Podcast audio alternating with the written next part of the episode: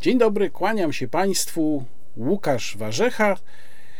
Przygotowany jestem do dzisiejszego z Państwem spotkania, bo zrobiłem właśnie to, co widać na tym memie. On mi się bardzo spodobał, chociaż y, przygotowała go osoba, która chyba nie miała zamiaru zrobić mi nim przyjemności, ale jeżeli już moi przeciwnicy robią o mnie memy, to chyba powinienem się cieszyć, a to zresztą nie jest pierwszy mem na mój temat, więc z tym się z Państwem dzielę, szczególnie, że Jabba the Hutt z Gwiezdnych Wojen chociaż był tam postacią, no dosyć jednak w zamierzeniu przynajmniej paskudną, ale na mnie zawsze robił poniekąd sympatyczne wrażenie, mimo kiepskiego końca, który mu się ostatecznie przydarzył.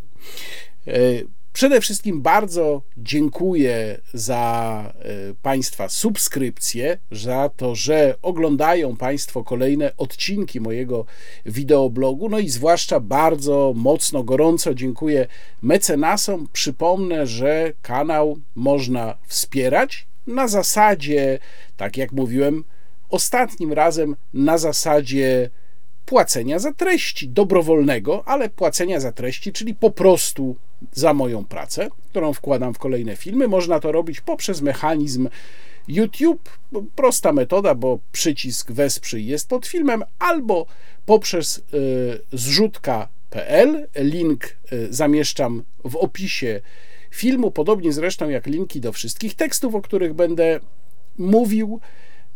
I tam na zrzutce można robić wpłaty jednorazowe za wszystkie. Bardzo dziękuję. Można też, do czego namawiam gorąco, ustanowić e, wpłatę cykliczną. Nagrywam ten film późnym wieczorem 8 maja, czyli przed tak zwanym Dniem Zwycięstwa, y, Dniem Zwycięstwa dla Rosjan, czy może należałoby powiedzieć dla Sowietów, bo z całą pewnością nie był to żaden dzień zwycięstwa dla Polaków. Ja tutaj zdecydowanie stoję po stronie tych, którzy uważają, że myśmy po prostu zamienili jedną okupację na drugą i to powiedziałbym okupację zabijającą ciała Y, na okupację zabijającą duszę. Takiego jestem zdania i tak widzę to, y, w co Polska wpadła w 1944 y, roku. Oczywiście mówiąc o 9 maja, myślę o 9 maja 1945 roku, no ale Polska w, w, strefie wpływów, faktycznej strefie wpływów sowieckich znalazła się już w roku 1944, przynajmniej mm, częściowo. I byłoby dosyć ryzykowne teraz przewidywać, co się może jutro wydarzyć, bo Państwo pewnie ten film dostaną właśnie dopiero w poniedziałek i to nawet nie wiem, czy rano, czy dopiero po południu, czy może wieczorem. E, przewidywanie działań Władimira Putina jest e, trudne, ryzykowne. Ja powiem tylko e, o kilku tropach, zarysowując je bardzo pobieżnie. Pierwsza kwestia jest taka, że wśród tych różnych scenariuszy, które się pojawiały, kiedy zastanawiano się, co się może 9 mm, maja wydarzyć, e, e, mnie dosyć prawdopodobny, powiedziałbym nawet ciekawy, gdyby tutaj nie chodziło o działania, no jednak militarne, agresję militarną, wydawał się ten scenariusz dotyczący potencjalnej agresji na Mołdawię z terenu Naddniestrza. Naddniestrze, część Mołdawii niby formalnie, ale faktycznie tak naprawdę już dawno pod wpływem i pod kontrolą rosyjską. Mołdawia, która ma bardzo niewielką armię, ja nawet nie zdawałem sobie z tego sprawy, dopiero ostatnio przeczytałem, że tam jest raptem parę tysięcy żołnierzy, czyli kraj, który praktycznie no, nawet przed armią rosyjską osłabioną działaniami na Ukrainie nie byłby prawdopodobnie w stanie się obronić. Natomiast z punktu widzenia rosyjskiego, moim zdaniem, agresja na Mołdawię, gdyby się miała zakończyć sukcesem, bo to jest bardzo ważne, tylko wtedy to ma sens oczywiście, gdyby w Moskwie myślano, czy ściślej na Kremlu myślano, że tam jest praktycznie stuprocentowa gwarancja sukcesu. Mm, no bo gdyby się okazało, że następuje ta agresja a Mołdawii zająć się nie udaje, no to by była już gigantyczna porażka. No więc gdyby była ta gwarancja, gdyby tak na Kremlu znano i gdyby zaatakowano, to tutaj jest kilka korzyści, które z punktu widzenia kremlowskiego się pojawiają. Czyli po pierwsze, no jest jakiś sukces, poważniejszy niż to, co się dzieje na Ukrainie. Zostaje zajęte jakieś terytorium, nawet można powiedzieć, kraj zostaje zajęty, bo pewnie tak to by właśnie wyglądało. Po drugie, to jest kraj, który miał, ma chyba cały czas poważne aspiracje europejskie. Był taki okres, kiedy Mołdawia w ogóle była uważana za taki jak to się mówi po angielsku, case study, przypadek e, demonstracyjny tego, jak się dostosowuje państwo, idąc w kierunku Unii Europejskiej. Potem się zresztą okazało, że w dużej mierze to było dosyć dęte, ale jednak było i ten kierunek proeuropejski był bardzo wyraźny, więc to by był taki sygnał ze strony Kremla, że nie, jeżeli ktoś był w naszej strefie wpływów, a przecież był, bo tu mówimy o byłej Republice Sowieckiej, to nie pozwolimy mu się wyrwać z tej strefy. To zresztą inna sytuacja niż w przypadku e, Polski, która przecież Republiką Sowiecką nigdy e, nie była. E, no i wreszcie korzyścią z punktu widzenia rosyjskiego byłoby również to, że rosyjscy żołnierze pojawiliby się wzdłuż granicy z Rumunią, czyli wzdłuż granicy z kolejnym krajem natowskim na tym odcinku, gdzie Rumunia graniczy z Mołdawią. Czy tak się stanie? Ja oczywiście nie wiem, to mówię czysto teoretycznie e, na temat potencjalnych korzyści z rosyjskiego punktu widzenia, jakie by mogły z tej agresji wyniknąć, ale mam nadzieję, że do tego nie dojdzie. Mam nadzieję, że tutaj się skończy na jakichś e, deklaracjach, na próbie e, pokazania jakiejś części e, wojny na Ukrainie jako rosyjskiego sukcesu. No, zobaczymy, jak będzie. Na razie, jak mówię, nagrywam to późnym wieczorem 8 maja, więc tutaj nie ma kompletnie sposobu, żeby mm, cokolwiek przewidzieć. Tak się złożyło, że nie zacząłem jeszcze montować swojego wideoblogu, kiedy dzisiaj, czyli 9 maja, który jest świętowany przez Rosjan jako Dzień Zwycięstwa, wydarzyła się sytuacja, no, którą jednak muszę skomentować, korzystając z tego, że jeszcze mogę ten appendix dorzucić do filmu. Pan e, ambasador Andrzejew, ambasador Federacji Rosyjskiej w Warszawie, postanowił złożyć kwiaty pod e, pomnikiem żołnierzy sowieckich, który się mieści w takim dosyć ustronnym miejscu w Warszawie, choć w gruncie rzeczy jest to środek miasta w pewnym e, oddaleniu od ulicy Żwirki i Wigury. No i tam doszło do przepychanek, a ostatecznie do oblania czerwoną substancją, że jak to potem y, niektórzy tam twierdzili, sztuczną krwią pana ambasadora przez, y, znów cytuję tu informację, ukraińską dziennikarkę Irinę Zemlianą. Ta pani Irina Zemliana brała już udział w nielegalnych blokadach granicy polsko-białoruskiej, które współorganizowała m.in. Fundacja Otwarty Dialog, przypominam, oskarżana wielokrotnie przez właśnie rząd e, Prawa i Sprawiedliwości o to, że e, działa w sposób, e, no można powiedzieć, agenturalny, w każdym razie jej intencje są nieczyste, że należy się jej bardzo uważnie przyglądać, że stanowi niebezpieczeństwo, zagrożenie dla bezpieczeństwa polskiego państwa. E, no i ta pani, uczestnicząca w wydarzeniach współorganizowanych przez tę fundację Bartosza Kramka, teraz robi coś takiego. I to jest, proszę Państwa, oczywiście spełnienie marzeń pana ambasadora Andrzejewa. Dokładnie o to właśnie chodziło. I teraz pozostaje tylko pytanie, czy ta pani wykonała plan pana ambasadora Andrzejewa, oblewając go tą czerwoną farbą w jakimś porozumieniu z nim, czy to była jej własna głupota, jej własna inicjatywa? A też trzeba zadać sobie pytanie, do jakiego stopnia polskie państwo, przede wszystkim w osobie pana ministra Kamińskiego, o którym w tym wideoblogu będę jeszcze mówił w kontekście wydarzeń z 11 listopada 2020 roku, na ile polskie państwo w ogóle kontroluje ukraińskich aktywistów, którzy w Polsce postanowili działać. Ale przyjrzyjmy się temu jeszcze z prawnego punktu widzenia. E, otóż e, konwencja wiedeńska o stosunkach dyplomatycznych z roku 1961 nakłada na państwo przyjmujące obowiązek dbania o bezpieczeństwo obcego personelu dyplomatycznego. Personelu dyplomatycznego państw wysyłających, w szczególności oczywiście e, szefa misji, czyli w tym wypadku właśnie ambasadora i mówi ta konwencja w artykule 29, osoba przedstawiciela dyplomatycznego jest nietykalna.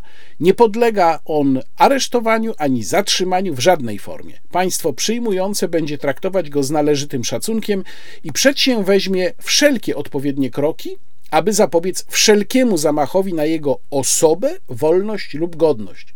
Podejmie wszelkie odpowiednie kroki. Teraz jest pytanie, czy polskie państwo podjęło wszelkie odpowiednie kroki, żeby zapobiec temu zamachowi niewątpliwemu na osobę ambasadora. Artykuł 29 konwencji wiedeńskiej został złamany. To nie ma e, co do tego żadnych wątpliwości. I ja się kompletnie nie zgadzam z tymi, którzy mówią, a takich głosów w internecie jest pełno, że przecież Rosjanie łamią prawo międzynarodowe, to my też możemy. No nie. Po pierwsze, nas od Rosjan odróżnia to, że w zachodniej sferze cywilizacyjnej, tu gdzie my jesteśmy, tak się nie postępuje. To znaczy, odpowiedzią na to, że przeciwnik łamie ustalone, cywilizowane zasady, nie jest łamanie zasad przez nas. My pod tymi zasadami się podpisaliśmy i ponieważ my należymy do cywilizowanego świata zachodniego, to my tych zasad powinniśmy przestrzegać. Dopóki trwają stosunki dyplomatyczne pomiędzy Polską a Rosją, to powinniśmy, mamy obowiązek tych zasad przestrzegać i mamy obowiązek dbać na wszelkie możliwe sposoby o bezpieczeństwo przedstawicieli mm, misji Federacji Rosyjskiej. Choćbyśmy najgorsze rzeczy myśleli o tym, co Rosja wyprawia na Ukrainie, mamy ten obowiązek jako państwo. Rzecznik rządu, pan Miller, powiada w mediach, że przecież pana ambasadora ostrzegano o tym, że są duże emocje i sugerowano, żeby zrezygnował z tego planu składania kwiatów. No, ja przypomnę, że 9 maja jest wielkim świętem zakończenia Wielkiej Wojny Ojczyźnianej w Rosji. Dla nas to mówię zupełnie otwarcie, jest to żadne święto, ponieważ dla nas to jest po prostu zastąpienie jednej okupacji drugą. Ja twardo na tym stanowisku stoję, ba uważam, że y, y, okupacją tak naprawdę jeszcze gorszą pod pewnymi względami niż ta niemiecka. No ale dla Rosjan tak jest. No więc mm, ja się nie dziwię, że Rosjanie chcą jakoś czy rosyjski ambasador chce jakiś gest wykonać, ale też nie mam żadnych wątpliwości, że jak powiedziałem, była to kompletnie zaplanowana akcja, w ramach której panu ambasadorowi Andrzejewowi chodziło o to, żeby ktoś się zachował tak, jak się zachowała ta ukraińska dziennikarka. Ale wracając do wypowiedzi pana ministra Millera, mówi, że ostrzegano, ale ostrzegano przed czym?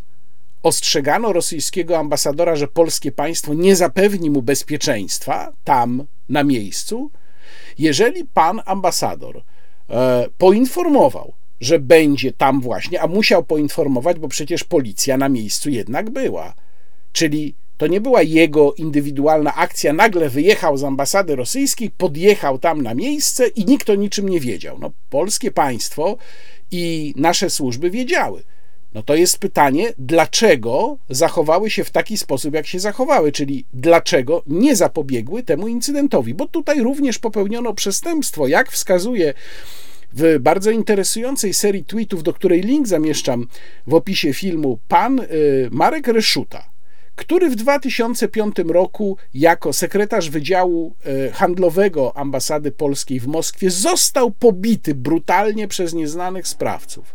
I bardzo Państwu polecam jego ocenę tego dzisiejszego wydarzenia, dzisiejszego incydentu. Sprawcy napaści na ambasadora Andriejewa popełnili przestępstwo z artykułu 136 kodeksu karnego. Ten artykuł 136 kodeksu karnego mówi tak w paragrafie pierwszym.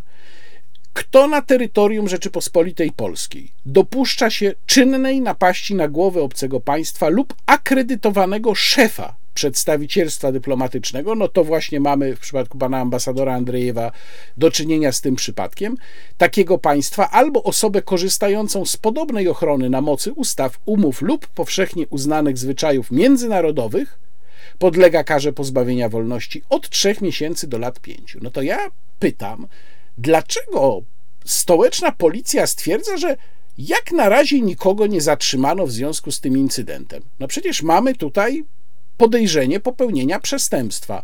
Mamy osobę, która się przyznała do tego czynu.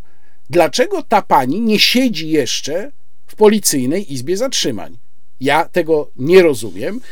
No ale tutaj trzeba dodać jeszcze, że absolutnie skandaliczny tweet wyemitował pan minister Kamiński, który dowodzi po raz kolejny, że się kompletnie nie nadaje na to stanowisko, na którym zasiada. Pan minister napisał: Zgromadzenie przeciwników rosyjskiej agresji na Ukrainę, gdzie każdego dnia dochodzi do zbrodni ludobójstwa, było legalne. Okej. Okay. Emocje ukraińskich kobiet biorących udział w manifestacji, których mężowie dzielnie walczą w obronie ojczyzny, są zrozumiałe. Czy to jest tweet agitatora z Ligi Republikańskiej, czy to jest tweet ministra spraw wewnętrznych, który odpowiada za służby, które mają zapewnić bezpieczeństwo przedstawicielom dyplomatycznym obcych państw w Polsce?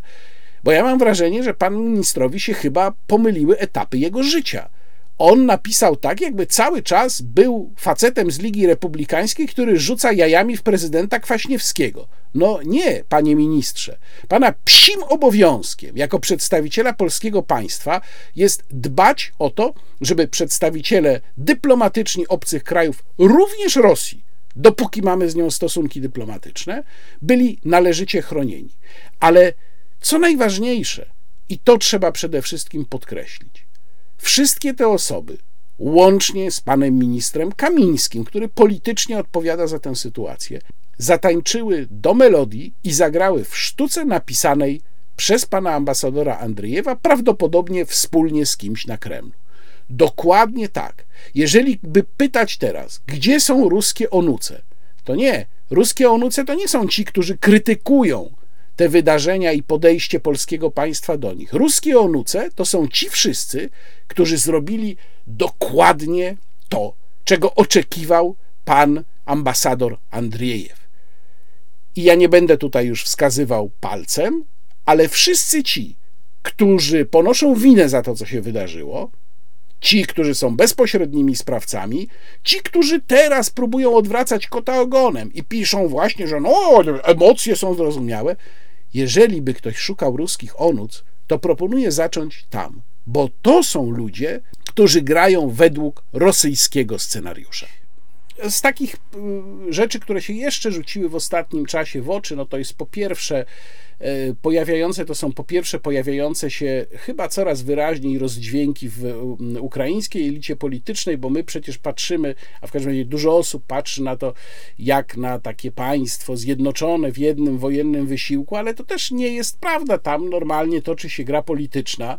Mm, o tym zapominać nie można. Moją uwagę zwróciły pretensje kierowane ze strony tej załogi, która się heroicznie e, broni na terenie kombinatu Azowstal w kierunku Kijowa i to nie były pierwsze tego typu sygnały, które się pojawiły, gdzie Kijów jest oskarżany o to, że zbyt łatwo oddał Mariupol, że zbyt mało wysiłku włożono w obronę Mariupola. Ci obrońcy Azowstalu czują się pozostawieni sami sobie. No, polityka i to będzie miało znaczenie i też y, bardzo często w Polsce się zapomina, że prezydent Załęski też robi politykę, nie tylko lo, robi politykę na poziomie międzynarodowym, próbując za wszelką cenę no, kosztem innych również, o co trudno tutaj mieć jakąkolwiek pretensję, zdobyć poparcie dla swojego kraju, ale robi też politykę na użytek wewnętrzny, na użytek swojego wewnętrznego rynku politycznego.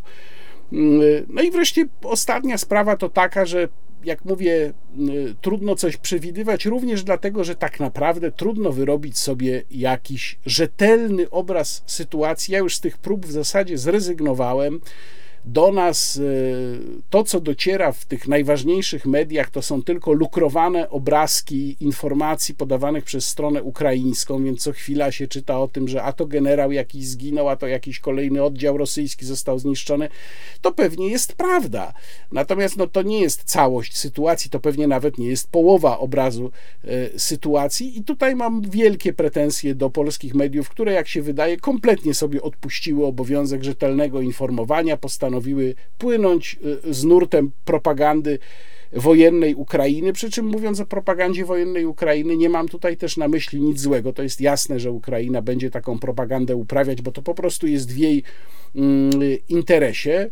E, choć pewnie też no, muszą tutaj balansować, bo nie chodzi o to, żeby się nagle zaczęli wydawać wszechmocni, bo wtedy e, ta pomoc z Zachodu mogłaby zacząć słabnąć, e, bo niektóre społeczeństwa zachodnie, których poparcie przecież tu jest kluczowe, mogłyby zacząć się zastanawiać, to po co my im tak mamy pomagać, skoro oni sobie tak świetnie radzą. Więc ci specy od ukraińskiej propagandy też muszą tutaj trochę balansować.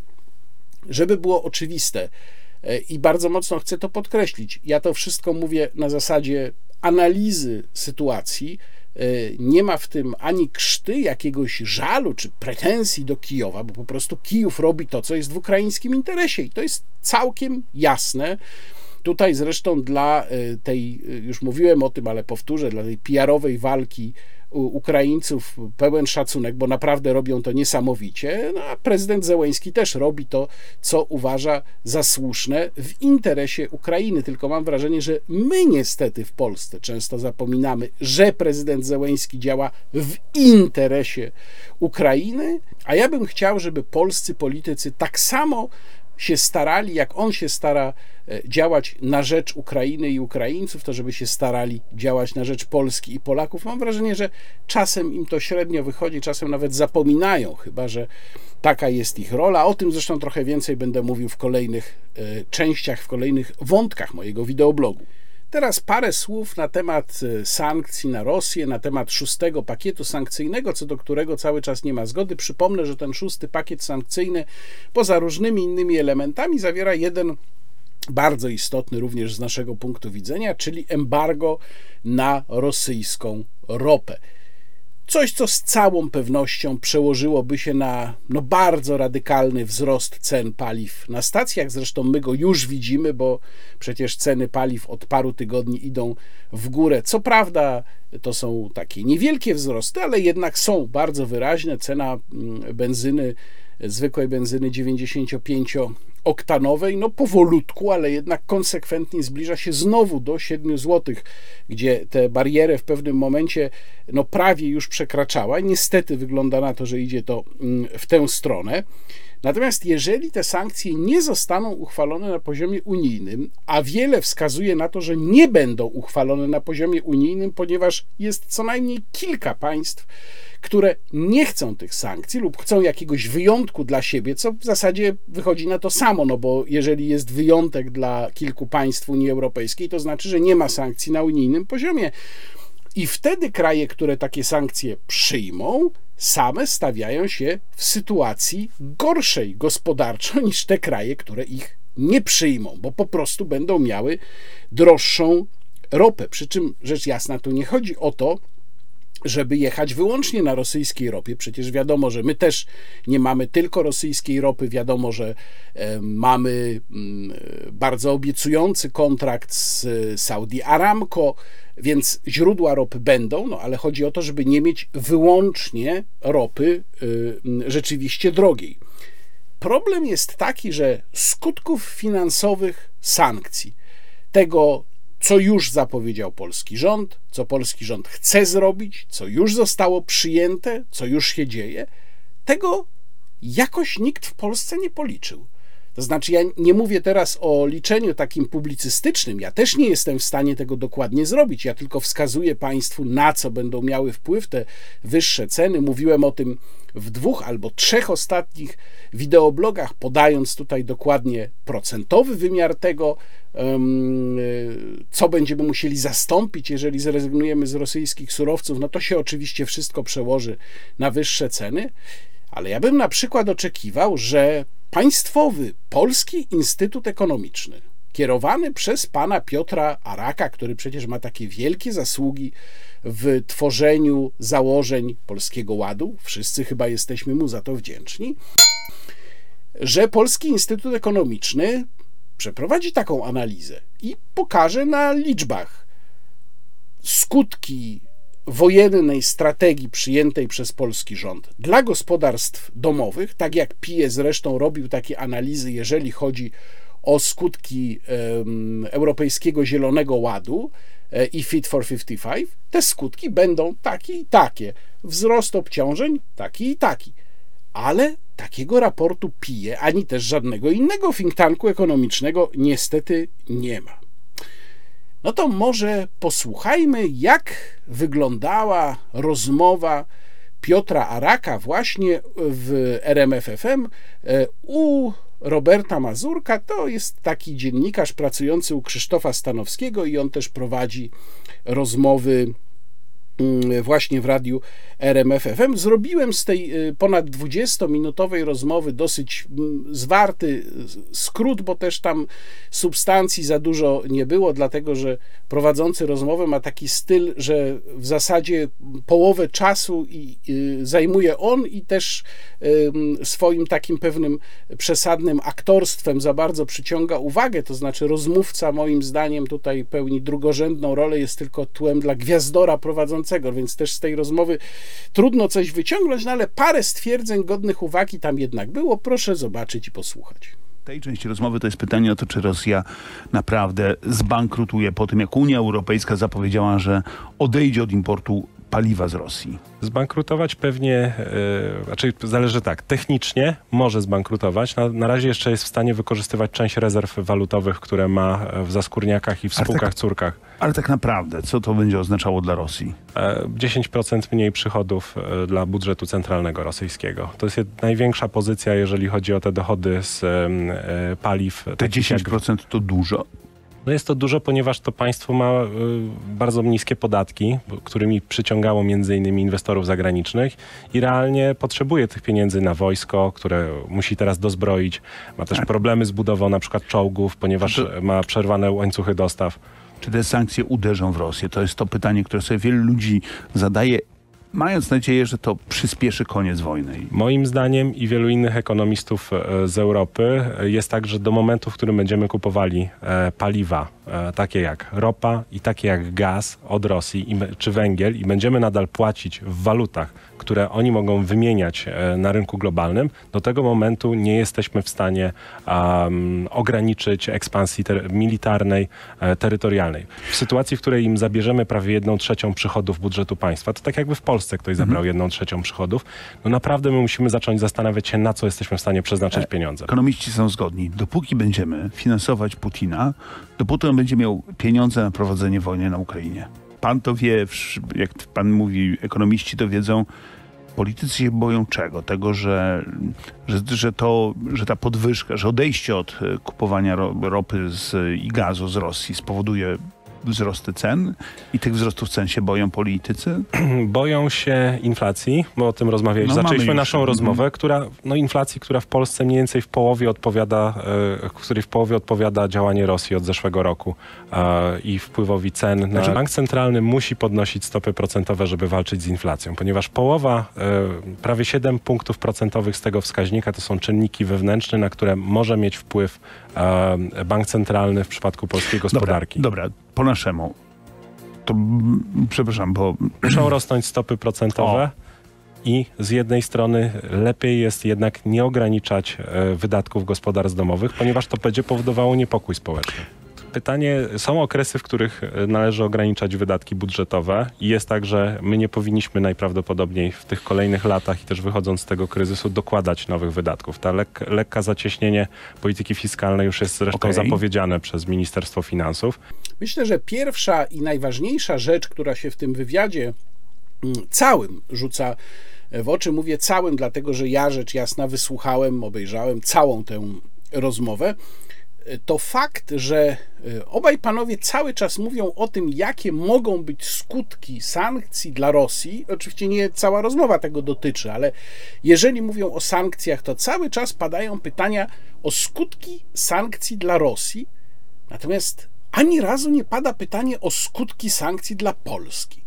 No jakoś tak się składa, że prowadzącemu nie przyszło do głowy, żeby pana dyrektora Araka zapytać, panie dyrektorze, a niech mi pan powie, o ile my więcej będziemy płacić, jeżeli zrezygnujemy z rosyjskiej ropy. O ile my więcej będziemy płacić, oczywiście nie tylko za paliwo, za inne rzeczy też. Ale z kolei tam e, pan Piotr Arak no, zaprzecza rządowej narracji. Ja nie wiem, co na to powie sam pan premier Morawiecki, bo Piotr Arak mówi, że około połowy z tej wielkości 12, ponad 12% inflacji, którą mm, mamy w Polsce w kwietniu, e, czyli prawie mówi 7 punktów procentowych z tego, to jest inflacja wewnętrzna. Przyczyny są wewnętrzne. No to jak to? To, to nie Putin inflacja w takim razie? To Putin by tam tylko za tę resztę odpowiadał? Ja nie wiem, panie Piotrze Arak, no niech pan trochę przemyśli, co pan mówi, przecież pana wyrzucą z tego pije za kolejne takie wypowiedzi. No i wreszcie jeszcze jedna ciekawostka, która się tam pojawia, mianowicie Piotr Arak mówi coś takiego, że Rosja będzie agresywna, dopóki będziemy jej płacić w walutach, które Rosja może wymieniać na rynkach globalnych, mówi Piotr Arak.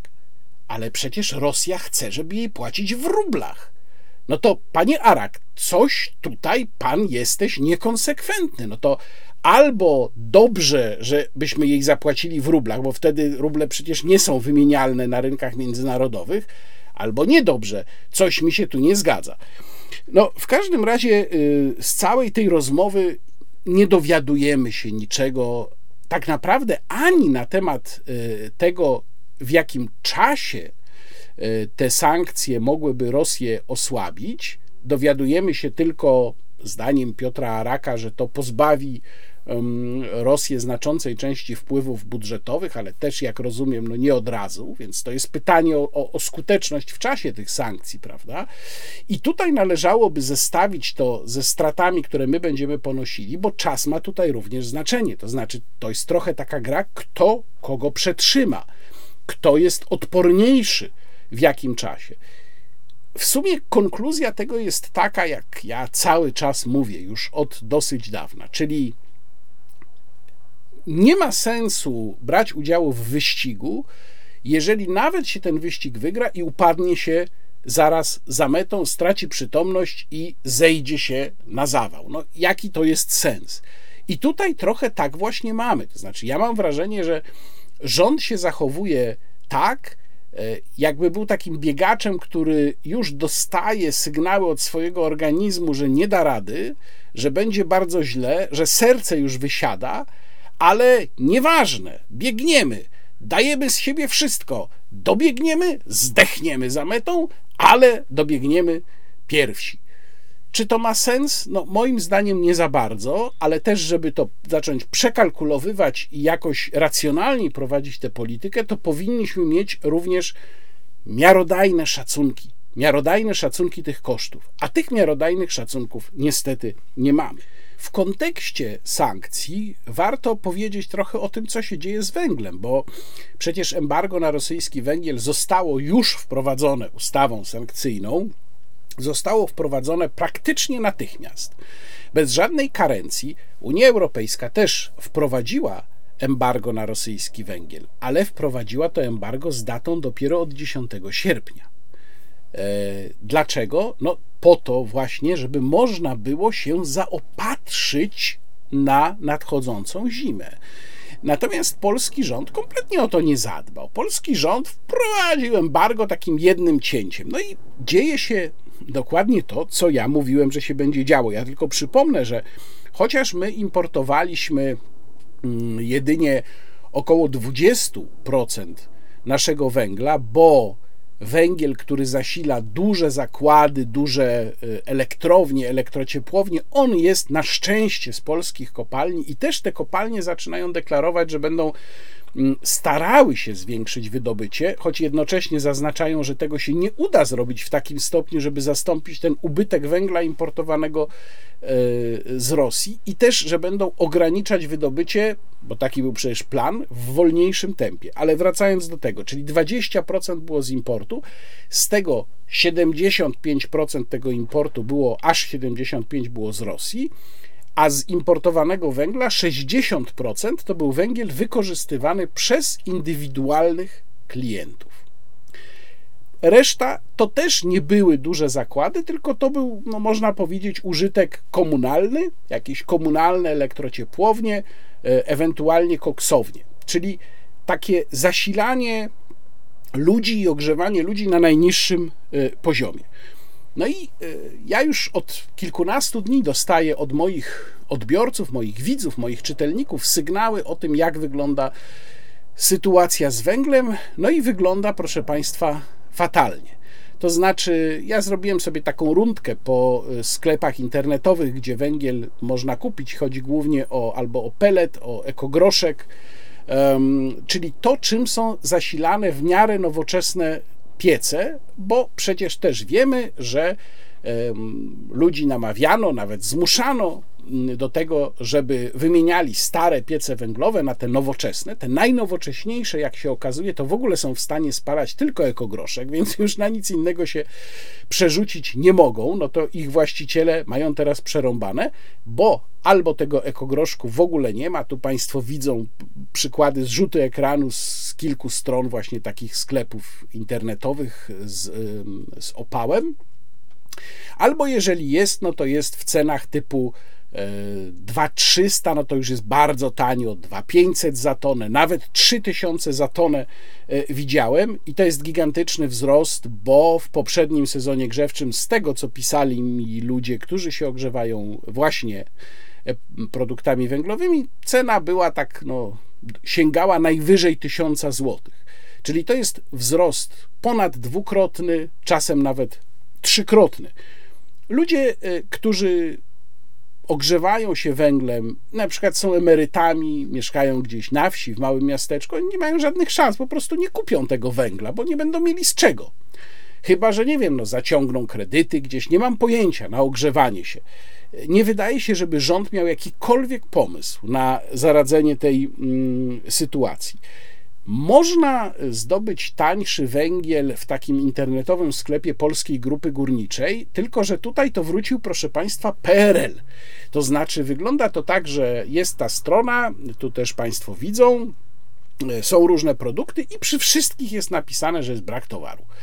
I ta strona jest uzupełniana o towar e, bodajże trzy razy dziennie i trzeba mieć ogromne szczęście, żeby sobie poradzić i w tym ułamku sekundy, bo ten towar się tam pojawia dosłownie na, nie wiem, no kilkanaście, trzydzieści sekund, żeby kliknąć odpowiednio i ten towar sobie zarezerwować.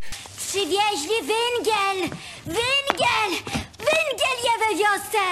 Dla tych z Państwa, którzy by chcieli właśnie, bo tutaj jest taniej i, i na tym to polega, dla tych z Państwa, którzy by chcieli spróbować szczęścia, mm, zamieszczam w opisie filmu link do tekstu, w którym e, ktoś, kto właśnie taki e, opał w sklepie internetowym PGG e, chciał kupić, rozpracował pewną metodę. To nie jest żadna tajna metoda, nie ma tam żadnych kombinacji informatycznych, po prostu podpowiada, jak to zrobić przy pewnym wysiłku, pewnym nakładzie czasu, jak da się to zrobić, żeby właśnie w sklepie internetowym PGG mm, taki chociażby ekogroszek kupić. Może to się komuś z moich widzów przyda i pomoże, więc dlatego wklejam ten link. Natomiast nie zmienia to postaci rzeczy, że ten deficyt rosyjskiego węgla, z którym się będziemy musieli zmagać, w najbliższym sezonie grzewczym jest obliczany na 11-10 milionów ton. Tyle ma zabraknąć i nie wiadomo skąd on by się miał wziąć. Ja myślę, że po prostu ludzie wrócą do palenia, przynajmniej ci, którzy mają techniczną taką możliwość, bo jak powiedziałem, niestety nie wszyscy mają, ale ci, którzy mają, wrócą do palenia po prostu czymś innym. E, i niech tylko jakaś straż miejska albo inna formacja tam spróbuje przyjść i wystawić jakiś mandat albo wysłać drona nad komin, bo takimi metodami się też już posługują. A myślę, że tam może nawet i do rękoczynów dochodzić, bo jeżeli ludziom, którzy będą, będą mieli po prostu zimno w domu, nie będzie ich stać na węgiel albo nie zdołają tego węgla kupić i przyjdzie im wtedy jakaś tam formacja, straż ekologiczna czy coś podobnego i tam powie, że tutaj obywatelu palicie starymi gumofilcami, sami, więc my wam mandat wystawimy, to myślę, że zostanie ta straż poszczuta psem. Tak się to może e, skończyć. No i też e, nie za bardzo to przysporzy sympatii rządowi. Co prowadzi mnie do kolejnego tematu, którym jest kwestia przyspieszonych wyborów, a właściwie takiej hipotezy przyspieszonych wyborów, która się zaczęła pojawiać.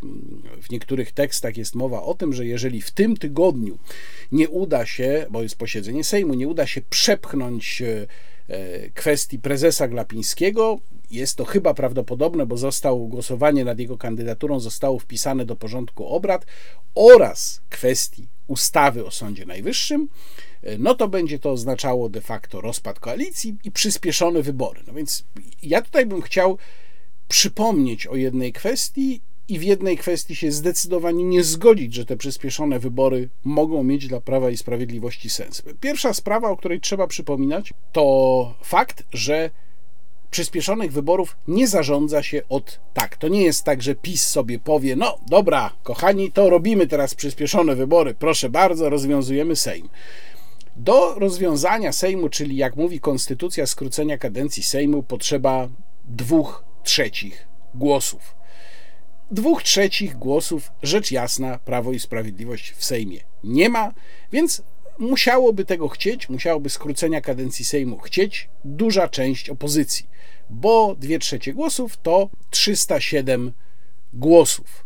Sam klub PiS to jest dzisiaj 228 posłów, nawet licząc powiedzmy całe koło Kukiz 15, czteroosobowe jeszcze tam jakieś przybudówki, to i tak byłoby dużo, dużo za mało w stosunku do tych 307 głosów, które są konieczne.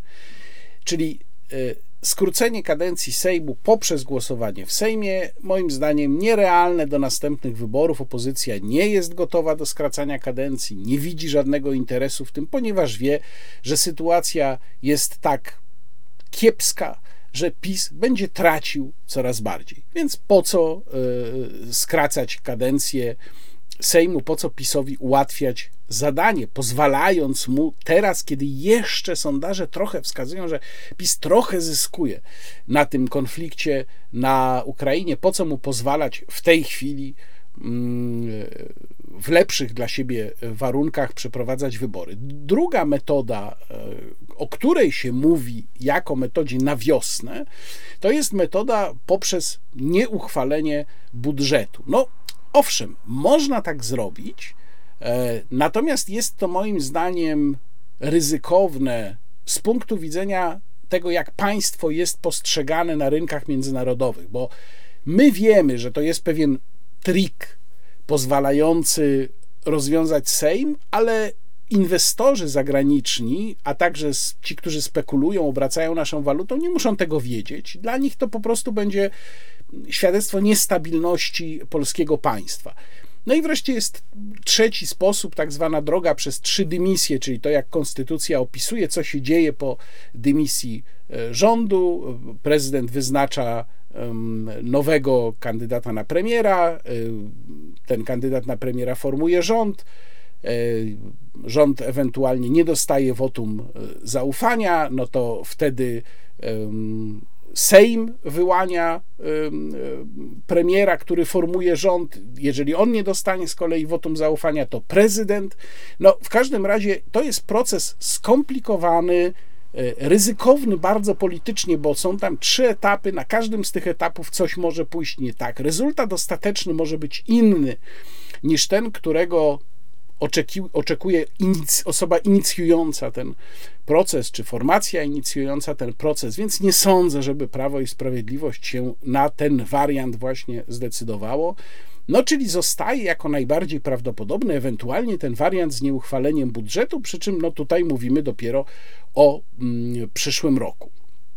I teraz, czy to w tamtym momencie może być opłacalne? Pamiętam taki tekst, niedawno się ukazał w gazecie wyborczej, gdzie przywoływano jakiegoś anonimowego, bo to zawsze są niestety anonimowe głosy anonimowego posła PiS, który mówił tak, bo my liczymy na to, że już trochę ten pył bitewny opadnie do wiosny przyszłego roku, sytuacja się trochę ustabilizuje, no i wtedy zrobimy wybory. No, moim zdaniem to jest bardzo naiwne myślenie, jeżeli ktokolwiek tak w PiSie myśli, bo po pierwsze, nie mamy absolutnie żadnej pewności co do tego, czy ten pył bitewny opadnie, nie opadnie, sytuacja będzie lepsza, gorsza, no tego nie wiadomo. Natomiast jedną rzecz wiadomo z całą pewnością, że wiosna przychodzi po zimie.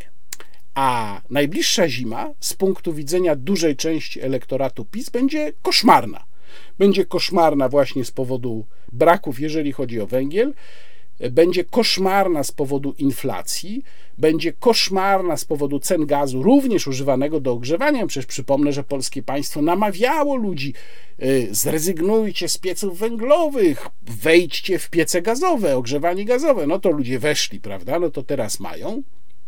Zresztą już teraz to właściwie nie wiadomo, czy lepiej tak, czy lepiej tak, bo wszystko jest drogie. W każdym razie ten moment, moim zdaniem, wiosna właśnie przyszłego roku, to będzie dla partii rządzącej najgorszy możliwy moment, ponieważ cała ta złość po tej zimie, która oby była łagodna, ale jeżeli nie będzie łagodna, to naprawdę będzie bardzo ciężko. Cała ta złość będzie w ludziach kipiała. I moim zdaniem wtedy Prawo i Sprawiedliwość wcale nie zyska, tylko wręcz przeciwnie, no raczej będzie dołować. To już większa szansa jest na lepszy wynik dla Prawa i Sprawiedliwości w tym normalnym terminie, czyli jesiennym terminie w 2023 roku, gdzie zresztą spotkają się ze sobą dwie elekcje, bo również samorządowa. Teraz sprawa bardzo ważna, o której trzeba powiedzieć, bo o cenzurze i zamachu na wolność słowa trzeba mówić. Mam na myśli ocenzurowanie, tego inaczej się nie da nazwać, ocenzurowanie e, kanałów czy strony w Realu 24 Marcina Roli. Ja tutaj nawet nie muszę robić tradycyjnego zastrzeżenia, e, mówiąc, że ja się z Marcinem Rolą w wielu sprawach nie zgadzam, że z przekazem w Realu 24 też się nie zgadzam e, w wielu sprawach, nie we wszystkich, bo w niektórych się zgadzam, ale w wielu się nie zgadzam. Ci z Państwa, którzy znają moją publicystykę, a także znają ten kanał, wiedzą, że ja jestem po prostu uczulony na kwestię zamachu na wolność słowa i czy tutaj chodziło o TVN24, czy teraz chodzi o w Realu 24. Oczywiście TVN24 to inna historia, bo tu chodziło o koncesję, ale generalnie miało to dużo wspólnego z wolnością słowa. Mnie te kwestie bardzo obchodzą, ponieważ uważam, że wolność słowa jest w zasadzie permanentnie zagrożona. Ale jednak to, co się wydarzyło teraz, co się wydarzyło wokół kanału, wokół strony w Realu 24, no to jest sprawa zadziwiająca, bo to tak naprawdę jest sąd kapturowy. Spójrzmy na to od strony prawnej. Mamy konstytucję, w której artykuł 54 bardzo wyraźnie i jednoznacznie mówi tak w swoim ustępie drugim. Cenzura prewencyjna środków społecznego przekazu oraz koncesjonowanie prasy są zakazane Ustawa może wprowadzić obowiązek uprzedniego uzyskania koncesji na prowadzenie stacji radiowej lub telewizyjnej. Konstytucja mówi również w swoim artykule 31 w ustępie 3. Ograniczenia w zakresie korzystania z konstytucyjnych wolności i praw mogą być ustanawiane tylko w ustawie i tylko wtedy, gdy są konieczne w demokratycznym państwie dla jego bezpieczeństwa lub porządku publicznego bądź dla ochrony środowiska, zdrowia i moralności publicznej albo wolności i praw innych osób. Ograniczenia te nie mogą naruszać istoty wolności i praw. Tutaj oczywiście mamy wśród konstytucjonalistów i prawników spory, jak daleko te ograniczenia w ustawach mogą iść. E, odpryskiem e, tego sporu była sytuacja z czasu epidemii, kiedy ograniczenia konstytucyjnych praw i wolności były ustanawiane w rozporządzeniach, czyli bezprawnie, ewidentnie bezprawnie, ale warto niektórym wyrokom z tamtego czasu się przyjrzeć, ponieważ w niektórych uzasadnieniach sądy wskazywały, że ich zdaniem pewne wolności konstytucyjne nie mogą być ograniczone zwykłą ustawą, że mogą być ograniczone tylko w przypadku wprowadzenia któregoś ze stanów nadzwyczajnych. A stany nadzwyczajne, o których mówi Konstytucja, mamy trzy: stan klęski żywiołowej, stan wyjątkowy i stan wojenny. I w doktrynie jest taki pogląd, że właśnie wolność słowa to jest poza ograniczeniami, które wynikają z wolności innych, czyli z sytuacji, kiedy na przykład mamy pozew skierowany przeciwko komuś w związku z naruszeniem dóbr osobistych, niektórzy y, eksperci, niektórzy prawnicy twierdzą, że tylko w razie wprowadzenia któregoś ze stanów, stanu wyjątkowego lub stanu wojennego, bo stanu klęski żywiołowej już nie, może być ograniczona wolność słowa. O tym też konstytucja mówi, ponieważ nie wymienia akurat wolności słowa wśród tych wolności, które w tych dwóch stanach, wyjątkowym i wojennym, nie mogą być ograniczone. Mamy ustawę o stanie wyjątkowym. W ustawie o stanie wyjątkowym jest mowa o tym, że organem cenzury wtedy staje się, że jest ta cenzura, zostaje wprowadzona. W stanie wyjątkowym organem cenzury staje się mm, wojewoda. No to tutaj mamy jasność, wiemy, kto jest tym organem cenzury. Ale nie mamy stanu wyjątkowego. Nie mamy oczywiście też stanu wojennego. Więc na jakiej zasadzie można zadać pytanie, nakazano operatorowi wyłączenie dostępu, czy ograniczenie, bo tam są techniczne sposoby, żeby się do tej strony dostać, e, do strony w Realu 24. I tutaj nagle pojawia się artykuł 180 prawa telekomunikacyjnego. I ten artykuł 180 prawa telekomunikacyjnego brzmi w ustępie pierwszym. Przedsiębiorca telekomunikacyjny jest obowiązany do niezwłocznego blokowania połączeń telekomunikacyjnych lub przekazów informacji na żądanie uprawnionych podmiotów jeżeli połączenia te mogą zagrażać obronności, bezpieczeństwu państwa oraz bezpieczeństwu i porządkowi publicznemu, albo do umożliwienia dokonania takiej blokady przez te podmioty. No i najprawdopodobniej właśnie po ten artykuł 180 prawa telekomunikacyjnego sięgnęły jakieś podmioty uprawnione Czyli no, jeżeli wierzyć tutaj Tomaszowi Sakiewiczowi, który się bardzo cieszył z tego, że Marcina rolę zablokowano, no to byłoby to Agencja Bezpieczeństwa Wewnętrznego. No ale tego oczywiście nie wiemy, ponieważ ten przepis jest tak skonstruowany, że jak mówię, mamy tutaj do czynienia z sądem kapturowym. Nie wiemy, kto jest podmiotem uprawnionym. Nawet to nie jest w ustawie zdefiniowane, co w ogóle już jest dziwne nikt nie musi zostać poinformowany o tym, że taka procedura jest wszczęta, włącznie z tym, kto będzie zablokowany. Nie ma oczywiście mowy o żadnym uzasadnieniu, nikt go nie musi znać, nikt go nie musi widzieć, nawet go nie musi być. Sprawa wygląda tak, że no jak ja sobie to wyobrażam, jak to mogło być, że może siedzieć se pan wiceminister Wąsik z panem ministrem Kamińskim i jeden może powiedzieć do drugiego, a ten rola taki upierdliwy, musimy pokazać, że coś robimy. To zablokujmy rolę. I proszę bardzo, każą tam ABW, ABW pisze jakieś tam pisemko wzięte, nie powiem skąd, bo tu nawet wzoru przecież tego żądania, tego wniosku nie ma, do operatora, operator tam pyk, pyk, pyk i rola zablokowana. I w ten sposób, i to jest przerażające, można zablokować na zasadzie, jak mówię, sądu kapturowego praktycznie każdy niewygodny podmiot. I teraz ciekawostka. Ja się zacząłem zastanawiać, kto ten przepis wsadził do prawa telekomunikacyjnego. I pierwsze moje podejrzenie, no mówię uczciwie, padło na PiS, że to jest jakaś nowelizacja z ostatnich siedmiu lat. Ale zacząłem to sprawdzać. Nie. Okazuje się, że ten przepis jest w prawie telekomunikacyjnym od samego początku jego istnienia. To jest ustawa uchwalona po raz pierwszy w roku 2004. Zarządów Leszka Millera zaprojektowano kształt właśnie mm, prawa telekomunikacyjnego i wtedy wrzucono tam ten artykuł, który sobie był spokojnie i musiał doczekać aż do rządów Prawa i Sprawiedliwości, które mówiło przecież, że tu jest sfera wolności, że Polska się właśnie tym różni od Zachodu, że u nas nie ma cenzury, że u nas można mówić wszystko. No, chyba że się krytykuje władzuchnę. Jak się krytykuje władzuchnę, no to już niekoniecznie, bo przecież o to tutaj przede wszystkim chodzi. I taki jest problem Marcina Roli, że on próbuje też no, być taki właśnie niczyj, prawda? Więc nie pasuje jednym i drugim. I teraz bardzo ważna uwaga, i to jest gorzka uwaga, jest taka, że mnóstwo osób, również z kręgów właśnie medialnych, kompletnie nie widzi, że to jest bat, który może być użyty na ich plecach w dowolnym momencie przez dowolną władzę. Bo tak naprawdę, niezależnie od tego, co sobie o tym nieszczęsnym Marcinie Roli myślimy i o tym w Realu 24, to teraz w zasadzie zgodny chór dziennikarzy czy ludzi w ogóle uczestniczących w debacie publicznej powinien się podnieść w jego obronie.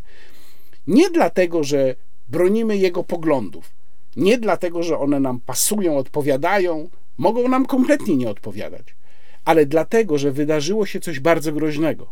Dlatego, że władza użyła instrumentu cenzury kompletnie nieoficjalnej nawet, mechanizmu sądu kapturowego, żeby uderzyć w wolność słowa.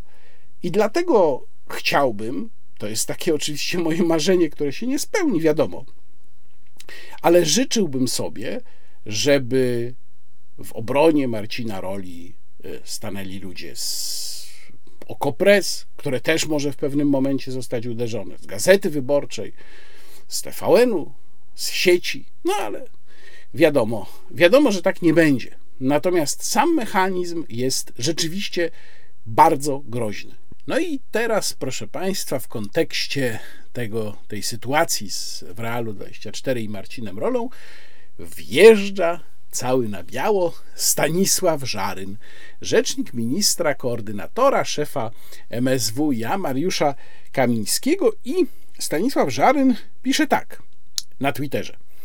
Polskiej przestrzeni informacyjnej wciąż identyfikowana jest operacja informacyjna, której celem jest wpływanie na postawy Polaków wobec uchodźców z Ukrainy. Działania informacyjne mają na celu wytworzenie wśród Polaków potencjału buntu wobec pomagania uchodźcom z Ukrainy. No i ja to skomentowałem na Twitterze w ten sposób, że brzmi to dosyć groźnie. No bo co można zrozumieć z tego tweeta?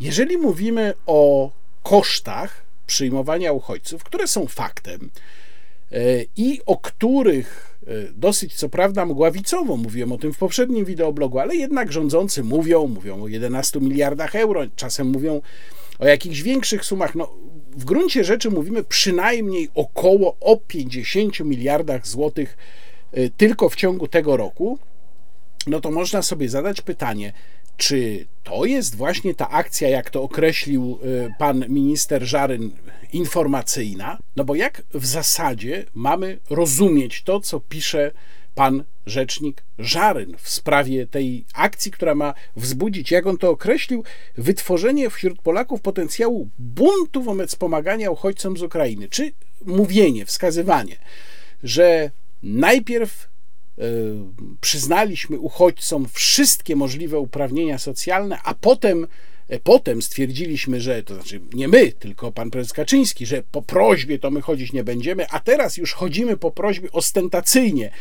jeżdżąc po całym świecie, bo to już i prezydent, i jak mówiłem, Krzysztof Szczerski w ONZ, i pan premier, i wszyscy mówią, nie damy rady, no nie damy rady, jak nam nie pomożecie.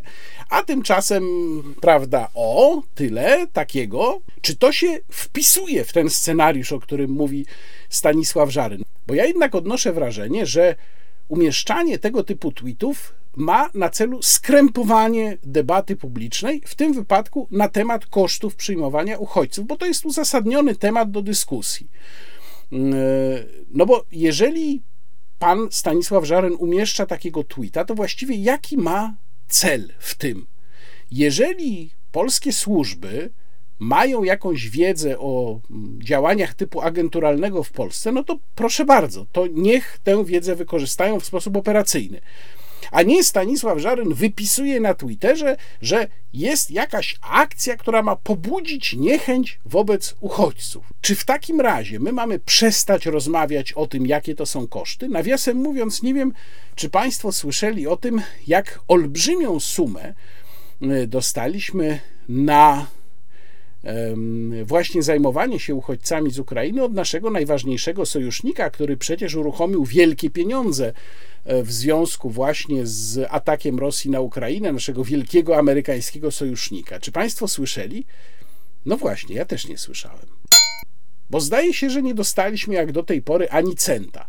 Czyli nie mamy ani centa i ani eurocenta, abstrahując oczywiście od tych marnych 500 milionów euro z programu REACT-EU, to już mówiłem, to są pieniądze przeksięgowane, to nie są żadne nowe pieniądze. Jeżeli powiemy na przykład o tym, że pan premier na PGE Narodowym zapowiedział pomoc dla Ukrainy w wysokości 100 miliardów euro, no tak się pojawiła taka informacja na profilu kancelarii premiera Nie wiem, czy pan premier rzeczywiście to powiedział, bo zdaje się, że tam mówił po angielsku. Być może była jakaś pomyłka, ale no potem to chodziło jeszcze w, w informacjach różnych, że właśnie 100 miliardów euro czyli więcej niż wynosi polski budżet, że tyle my będziemy, na taką sumę będziemy pomagać Ukrainie. Czy jeżeli ja o tym będę mówił, to już biorę udział w tej akcji informacyjnej, czy też dezinformacyjnej? Pan e, rzecznik pisał informacyjnej, nie wiem dlaczego, e, czy nie biorę?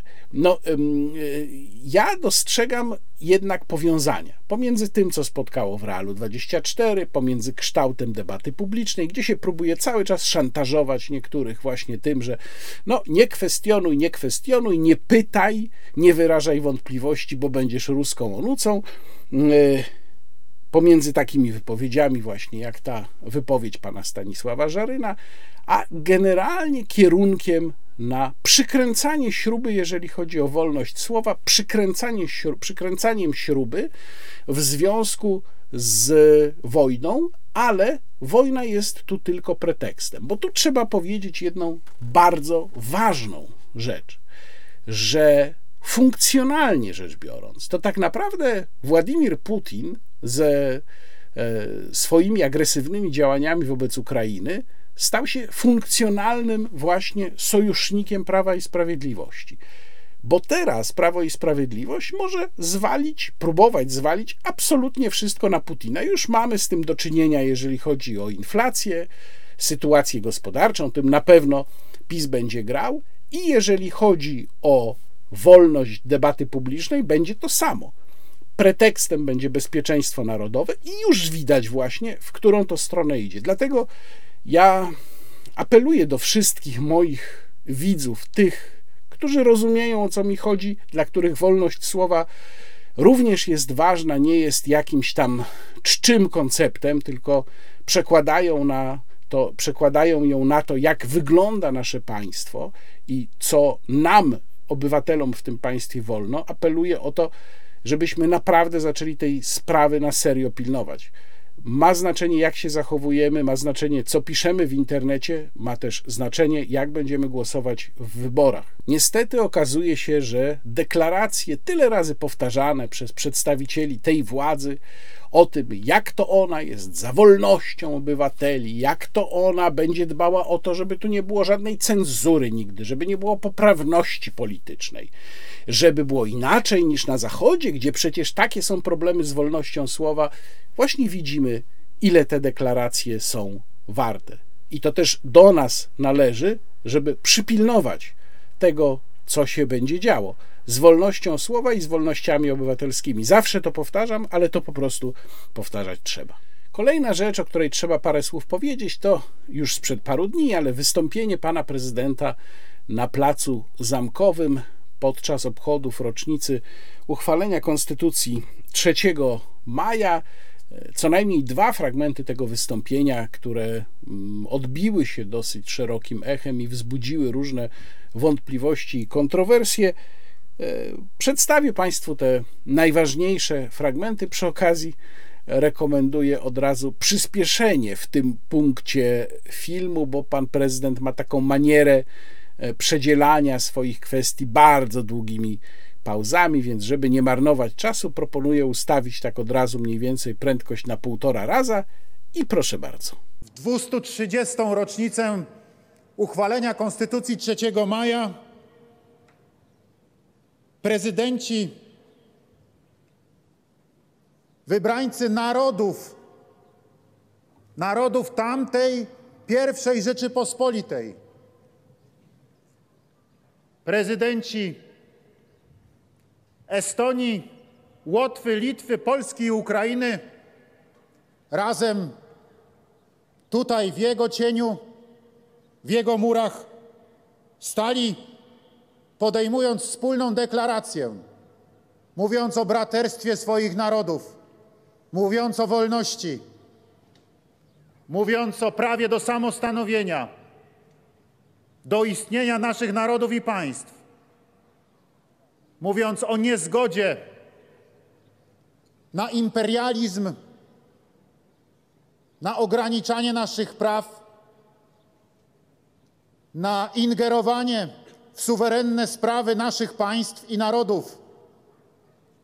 sprzeciwiając się rosyjskiej okupacji wtedy Krymu, Donbasu, Ługańska.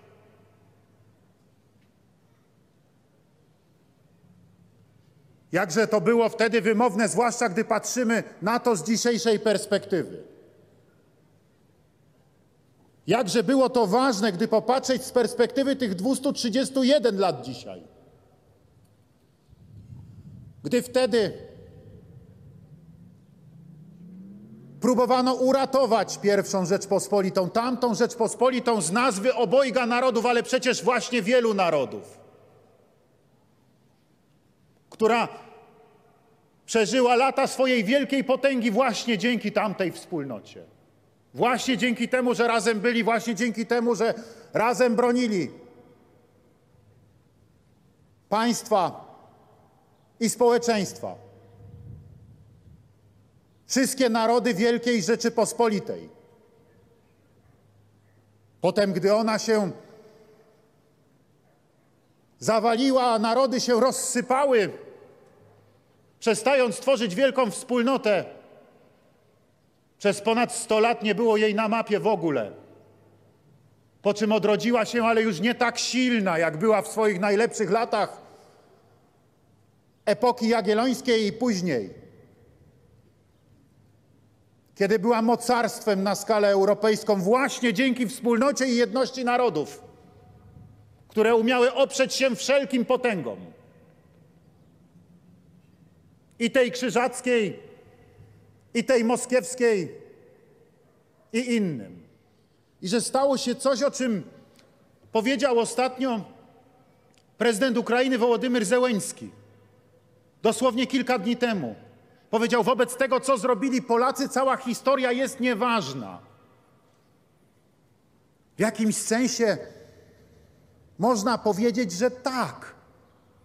Że całym ogromie tej historii, przecież w ostatnich stuleciach tak trudnej, gdzie na tym wspólnym stole między Polakami a Ukraińcami tak często leżał karabin, tak często leżał topór, broń, został położony chleb. Chleb. Została położona dłoń na dłoni. To jest akt, który wierzę w to głęboko. Buduje nową, całkowicie nową drogę w naszych dziejach.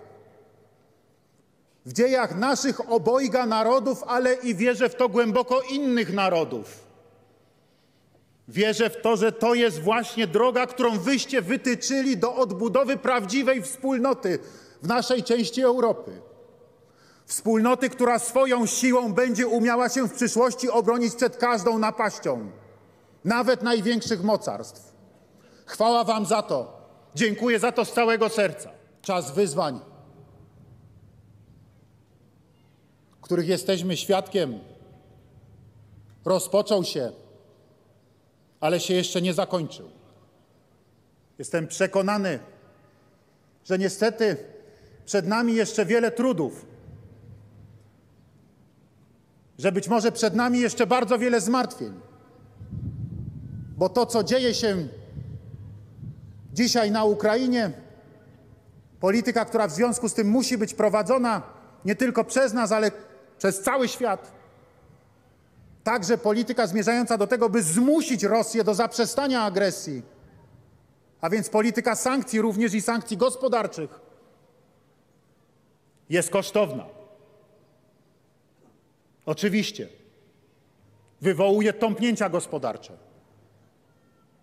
wywołuje tąpnięcia na rynku energetycznym, na rynku paliw, prowadzi do problemów gospodarczych, do inflacji, która dotyka wszystkie nasze portfele, która powoduje, że nasze życie staje się trudniejsze. Musimy to przetrwać. Musimy prowadzić odpowiedzialną politykę. Musimy sobie z tym poradzić.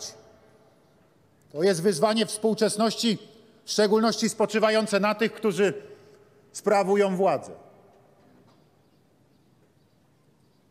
Ale to też wielka odpowiedzialność za dalsze losy naszej dzisiaj wspólnoty sąsiedzkiej. A więc dalsza odpowiedzialność za budowanie braterstwa między naszymi narodami i więzi sąsiedzkich. Wierzę w to głęboko, że damy radę. Że tak jak umieliśmy przyjąć naszych sąsiadów, tak będziemy umieli ich przechować, by gdy wojna się zakończy, mogli wrócić do swoich domów, a my pomóc im w dziele odbudowy Ukrainy. Wolnej, suwerennej, niepodległej. Która mam nadzieję będzie na dziesięciolecia, a daj Boże i na stulecia państwem bratnim dla Rzeczypospolitej, pomiędzy którym a nami, Polską, jak mam nadzieję proroczo powiedział to prezydent Wołodymir Zełeński, nie będzie miała granicy. Że tej granicy faktycznie nie będzie. Że tej granicy faktycznie nie będzie. Że tej granicy faktycznie nie będzie. Że będziemy żyli razem na tej ziemi, odbudowując się i budując swoje wspólne szczęście i swoją wspólną siłę, która pozwoli się oprzeć każdemu niebezpieczeństwu, a którą każdy będzie się bał w przyszłości zaatakować i będzie się bał jej zagrozić.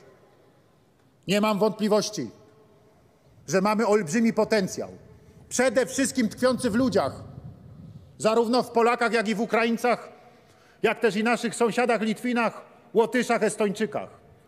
Wierzę w to głęboko, że jesteśmy w stanie budować tutaj w naszej części Europy wielką wspólnotę narodów. Taką, o jakiej mocy uczy nas nasza historia. Co my tutaj w tym wystąpieniu mamy? Po pierwsze, ja to odbieram jako odwołanie częściowo do koncepcji Lecha Kaczyńskiego. Lech Kaczyński miał taką koncepcję zbudowania środkowoeuropejskiej wspólnoty narodów, w której Polska miała grać pierwsze skrzypce, i ta wspólnota narodów miała e, poprzez wspólne interesy stać się znaczącą siłą wewnątrz Unii Europejskiej. To się nie udało, Lechowi Kaczyńskiemu się nie udało. Też ciekawe jest, że tutaj pan prezydent e, tę wspólnotę narodów sprowadza rzeczywiście do grupy narodów, które były jakoś powiązane z pierwszą Rzeczą Pospolitą, że na przykład nie, nie wspomina tutaj w ogóle o Węgrach, czy nie wspomina tutaj o y, Czechach. Y, generalnie rzecz biorąc, to wystąpienie pana prezydenta było bardzo wizjonerskie i ja bym powiedział aż za bardzo wizjonerskie. Ono roztaczało taką wizję e, naszej części Europy połączonej wspólnym celem, wielkim celem politycznym, jakim jest obrona przed agresorem ze wschodu. E, I jednocześnie nie odnalazłem tam żadnych akcentów, które by mogły upewnić Polaków dzisiaj, że władza nie dała się porwać kompletnie tym wizjom gdzieś tam wysoko, wysoko w oddaleniu od ziemi, tylko pilnuje naszych interesów tutaj. I niestety mam takie wrażenie, znów będę zrzędliwy, że to w ogóle się dzieje, że to w ogóle jest cecha tego, co robi władza od 24 lutego. Wielkie cele, wielkie wizje, trzeba patrzeć gdzieś daleko, trzeba patrzeć szerzej, trzeba się unieść gdzieś tam wysoko, wysoko i z góry patrzeć na tę naszą część Europy, a tymczasem my tutaj mamy całkiem bieżące, przyziemne problemy, takie jak brak węgla.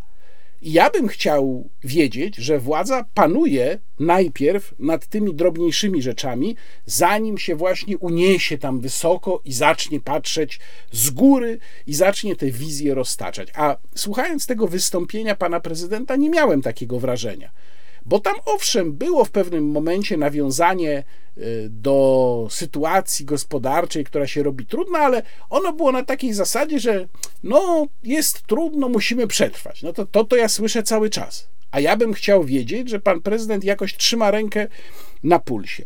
No i wreszcie teraz te dwa fragmenty, które zrobiły najwięcej zamieszania. Pierwszy fragment tutaj pozwolę sobie przypomnieć, i stało się coś, mówi pan prezydent, w kontekście e, takiego długiego passusu, gdzie bardzo dziękuję Polakom za to, że przyjęli Ukraińców, i stało się coś, o czym powiedział ostatnio prezydent Ukrainy Wołodymyr Zełeński dosłownie kilka dni temu. Wobec tego, co zrobili Polacy, cała historia jest nieważna. No i dalej pan prezydent w taki mocno zawoalowany sposób nawiązuje do y, tych najgorszych kart naszej wspólnej historii, które, jak powiedziałem, jak mówiłem wielokrotnie, nie są absolutnie jedynymi kartami, bo mamy też w naszej wspólnej historii mm, karty bardzo dobre. No ale mamy też tę kartę straszliwą, przede wszystkim tutaj mówię o rzezi wołyńskiej.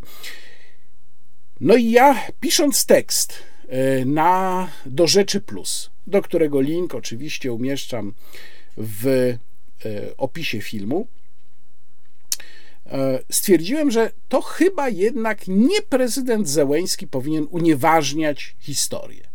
Że jednak, jak spojrzeć na to, co się działo, przynajmniej w tej historii najnowszej, pomiędzy Ukraińcami a Polakami, to nawet jeżeli się wyjdzie z takiego założenia, z jakiego ja wychodzę, że nie należy kwestii historycznych mieszać z kwestiami politycznymi bieżącymi, nie należy uzależniać jednych od drugich, że powtarzam, byłoby moim zdaniem bardzo nierozsądne uzależnianie w tej chwili pomocy dla Ukrainy od rozwiązania, rozstrzygnięcia kwestii historycznych.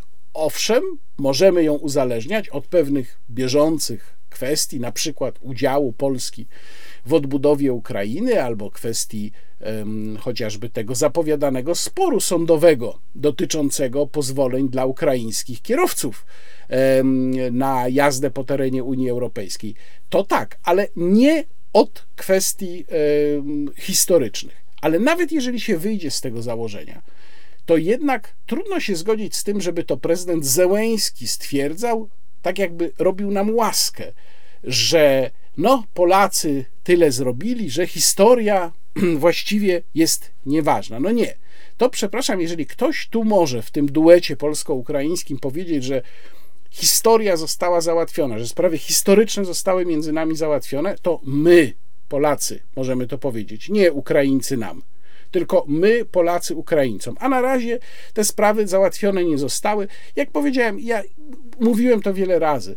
Ja uważam, że one nie są przeszkodą i nie będą przeszkodą w dobrych relacjach polsko-ukraińskich. Tutaj nie podzielam zdania ludzi, którzy twierdzą, że e, no, mówiąc metaforycznie, Ukraińcy niby się do nas uśmiechają, a tam trzymają tak naprawdę za plecami siekierę. No nie, nie, to kompletnie się pod tym nie podpisuje. Natomiast faktem jest, że Ukraina tych spraw nie rozwiązała, nie przepracowała, nie doszła z nimi do ładu i jeżeli to zrobi, to wtedy my będziemy mogli powiedzieć Ukraińcom, że to zostało załatwione, nie oni nam. Więc bardzo mnie dziwi takie podejście ze strony e, pana prezydenta e, Dudy. A jeszcze bardziej zagadkowy jest ten kolejny fragment, gdzie pan prezydent powiedział tak. Pozwolę sobie przypomnieć. Um, Ukrainy, tutaj jest dalszy ciąg z poprzedniego akapitu, Ukrainy, która mam nadzieję będzie na dziesięciolecia, a daj Boże i na stulecia, państwem bratnim dla Rzeczypospolitej, pomiędzy którym a nami, Polską, jak mam nadzieję, proroczo powiedział prezydent Wołodymyr Zełęński, nie będzie granicy, że tej granicy faktycznie nie będzie że będziemy żyli razem na tej ziemi, odbudowując się i budując swoje wspólne szczęście i wspólną siłę, która pozwoli się oprzeć każdemu niebezpieczeństwu, a którą każdy będzie się bał w przyszłości zaatakować i będzie się bał jej zagrozić. I tu muszę powiedzieć, mam duży problem z interpretacją tych słów. Bo gdyby je wziąć względnie dosłownie, to te stwierdzenia tej granicy faktycznie nie będzie.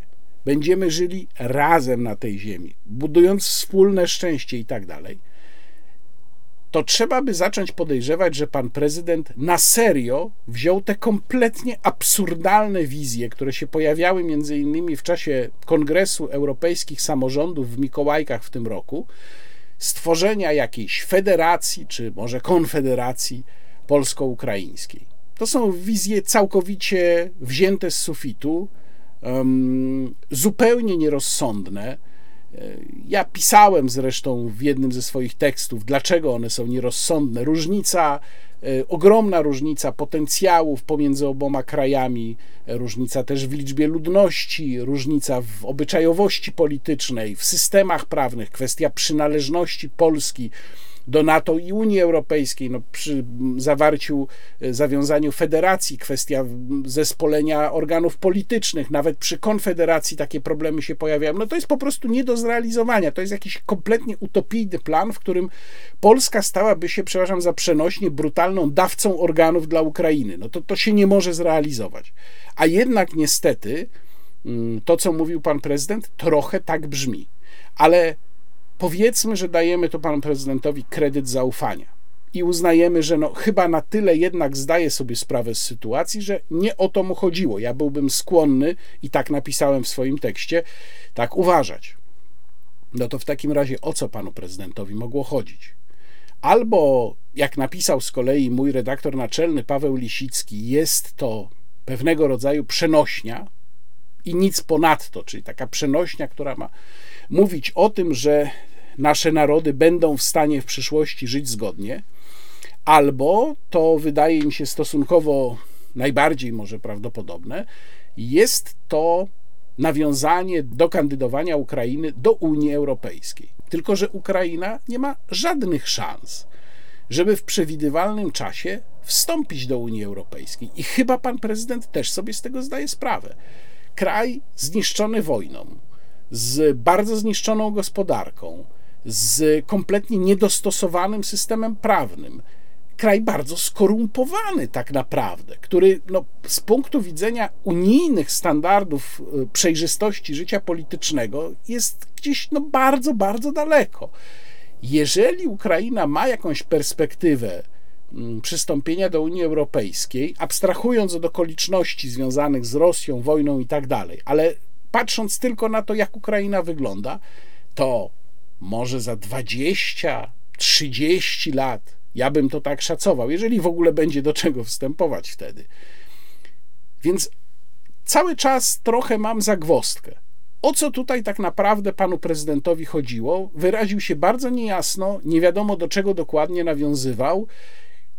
Właściwie poza tą interpretacją zupełnie symboliczną, tą, którą rozwinął Paweł Lisicki w swoim tekście, dwie pozostałe interpretacje, o których tutaj mówię i o których ja napisałem z kolei w moim artykule, w mojej analizie, no nijak się kupy nie trzymają. To by znaczyło, gdyby właściwa była któraś z tych dwóch interpretacji, że pan prezydent po prostu, przepraszam za wyrażenie, odleciał, buja w obłokach.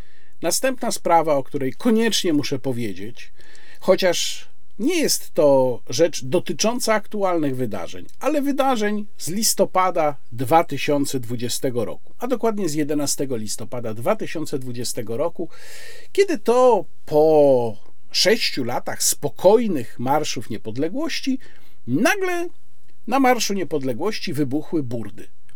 Tutaj też trzeba pamiętać, że ten Marsz Niepodległości 2021 roku był organizowany w trakcie absurdalnych restrykcji epidemicznych, zresztą uderzających nawiązuje do wcześniejszego fragmentu mojego wideoblogu, w konstytucyjne wolności demonstrowania, uderzających bezprawnie, bo za pomocą rozporządzeń, a nie za pomocą ustaw. No i przypomnę tylko, że to wtedy, w czasie zajść pod Empikiem, postrzelony w policzek, tuż obok oka, został e, fotoreporter tygodnika Solidarność Tomasz Gutry. Ja w swoim wideoblogu e, nakręconym zaraz po 11 listopada analizowałem ujęcia takie z góry, tam właśnie z kamery pokazujące jak te zajścia wyglądały. Ewidentnie funkcjonariusz, który y, postrzelił pana Gutrego, złamał prawo, a dokładnie złamał ustawę o środkach przymusu bezpośredniego i broni palnej, która obowiązuje policję, ponieważ strzelał do oczywiście kogo innego, do napastnika, który już się odwrócił i uciekał. I ten policjant nie trafił tego napastnika, natomiast trafił właśnie pana mm, Gutrego.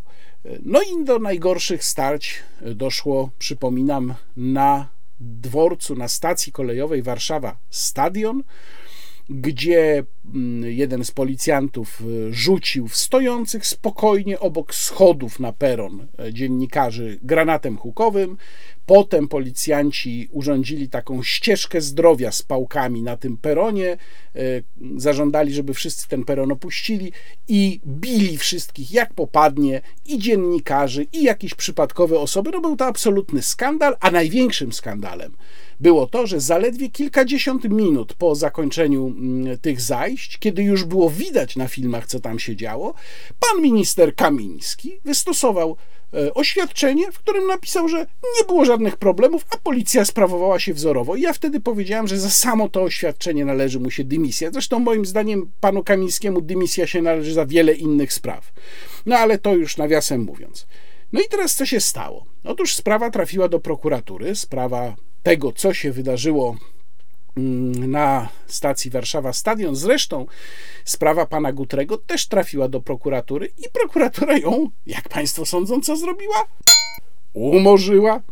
Pan Gutry e, zaskarżył to umorzenie, nie wiem, prawdę mówiąc, z jakim rezultatem, natomiast teraz prokuratura umorzyła postępowanie w sprawie wydarzeń na stacji Warszawa Stadion, ponieważ nie, że nie stwierdziła, że nie doszło do przestępstwa. Do przestępstwa to doszło.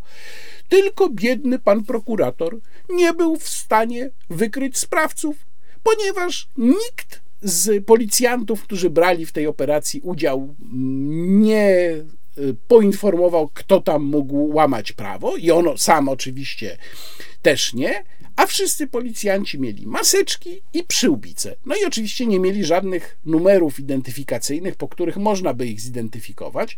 Ten postulat pojawiał się wielokrotnie, pojawił się również po 11 listopada 2020 roku, żeby policjantów w formacjach zwartych wyposażyć w jakąś formę identyfikatora.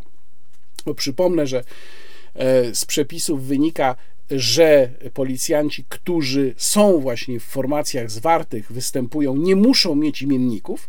Okej, okay, ja nie mówię, że muszą mieć imienniki e, po to, żeby się czuć bezpiecznie, żeby tam nikt nie ujawniał ich nazwiska. Okej, okay, rozumiem te powody, ale można w takim razie e, takim policjantom przyporządkować numery, indywidualne numery identyfikacyjne i po tych numerach mogliby być identyfikowani, ale nie, nie, bo nie bo prawdopodobnie władza woli, żeby e, ludzie, którzy z pałami występują przeciwko demonstrantom, czuli się bezkarni. No ja sobie nie umiem tego inaczej wytłumaczyć, bo nie ma tu żadnego racjonalnego powodu, dla którego mm, ci funkcjonariusze nie mają takich identyfikatorów, które mogłyby pozwolić e, przyporządkować im w razie czego nazwiska, stwierdzić, kto to konkretnie był.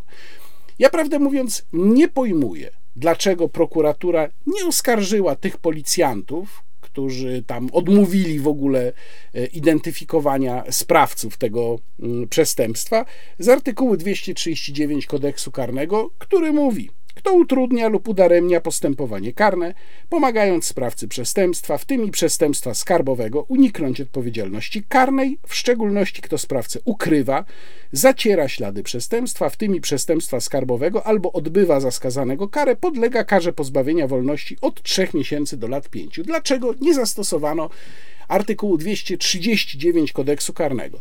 Dlaczego wreszcie odpowiedzialności dyscyplinarnej, służbowej nie ponieśli dowódca akcji, komendant stołeczny policji, a także komendant główny policji. Ja już nie mówię tu o Mariuszu Kamińskim, bo to w ogóle jest odrębna historia.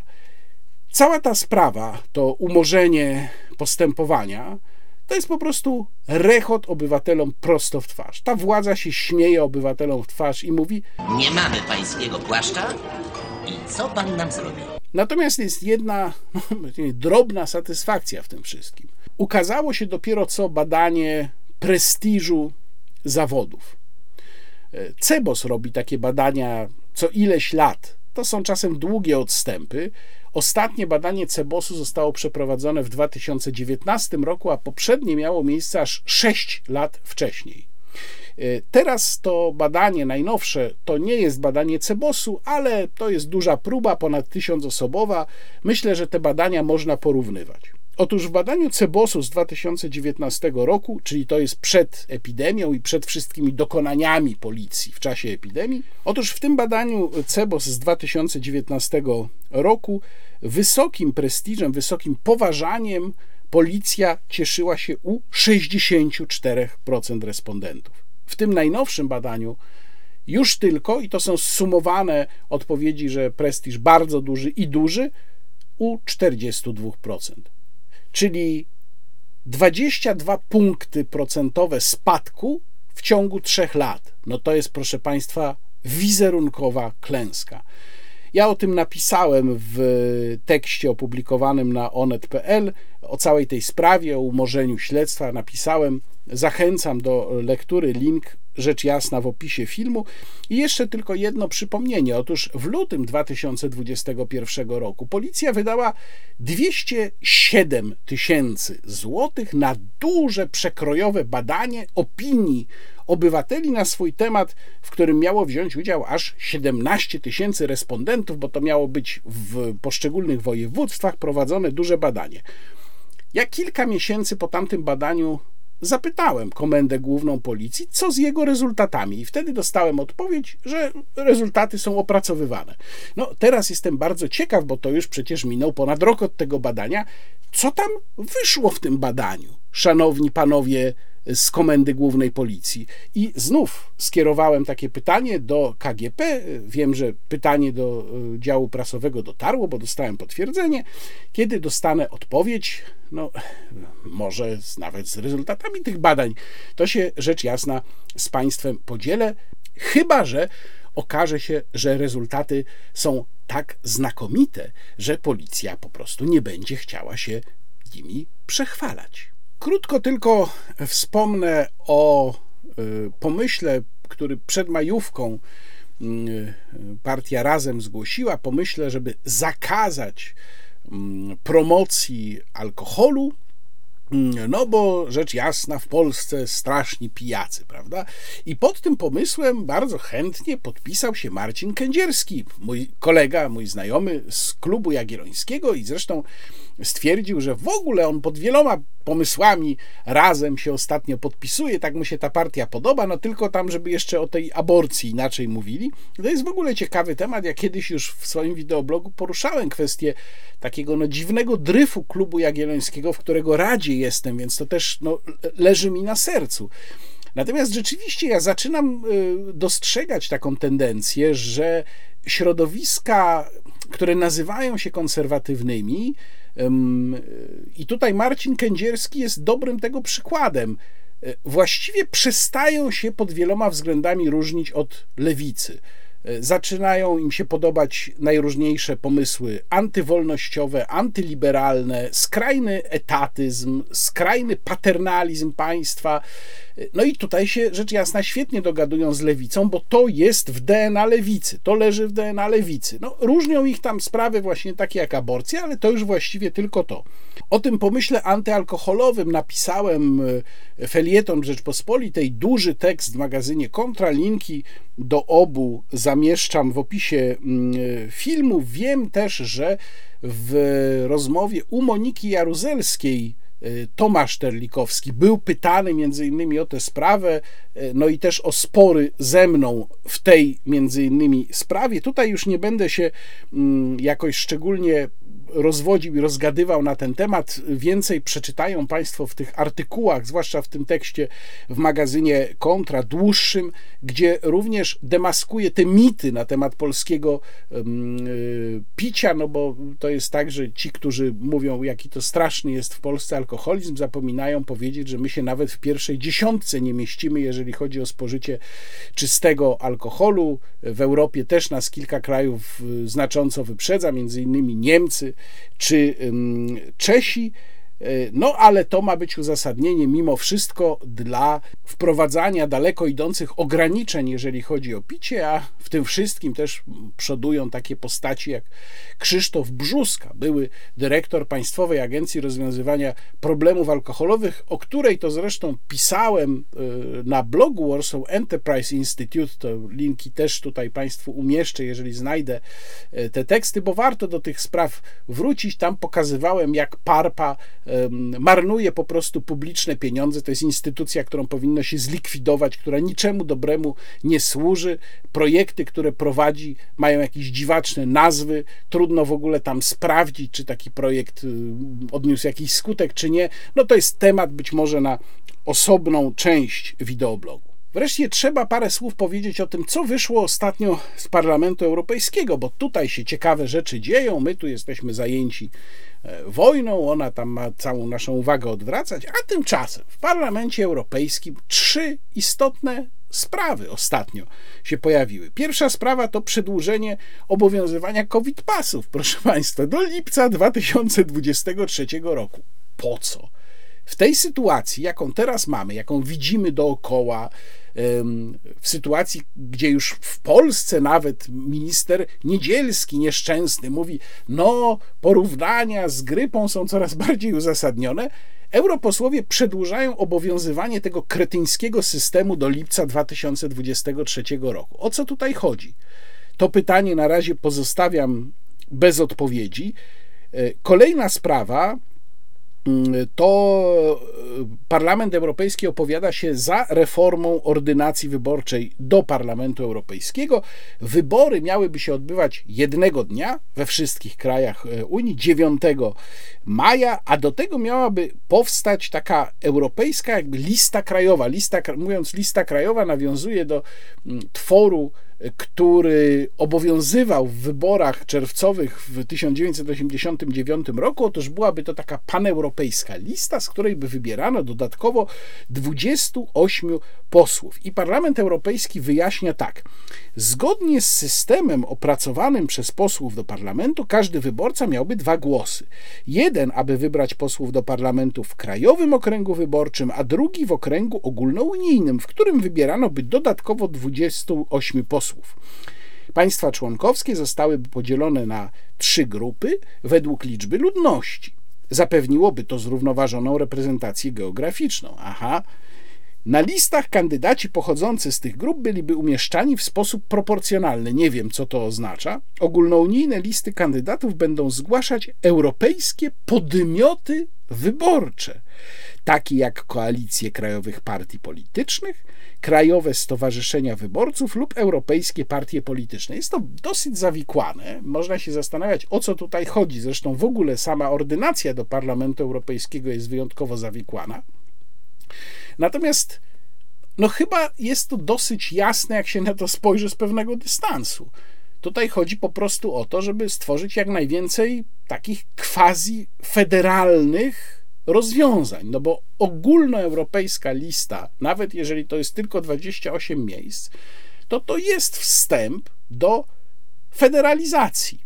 No i wreszcie Kolejna rzecz, która również tutaj ma znaczenie, jeżeli chodzi o ten kierunek, to jest opowiedzenie się Parlamentu Europejskiego za rewizją, przeglądem traktatów, czyli tak naprawdę otwarciem traktatów do renegocjacji w celu przyjęcia rekomendacji tak zwanej konferencji o przyszłości Unii Europejskiej.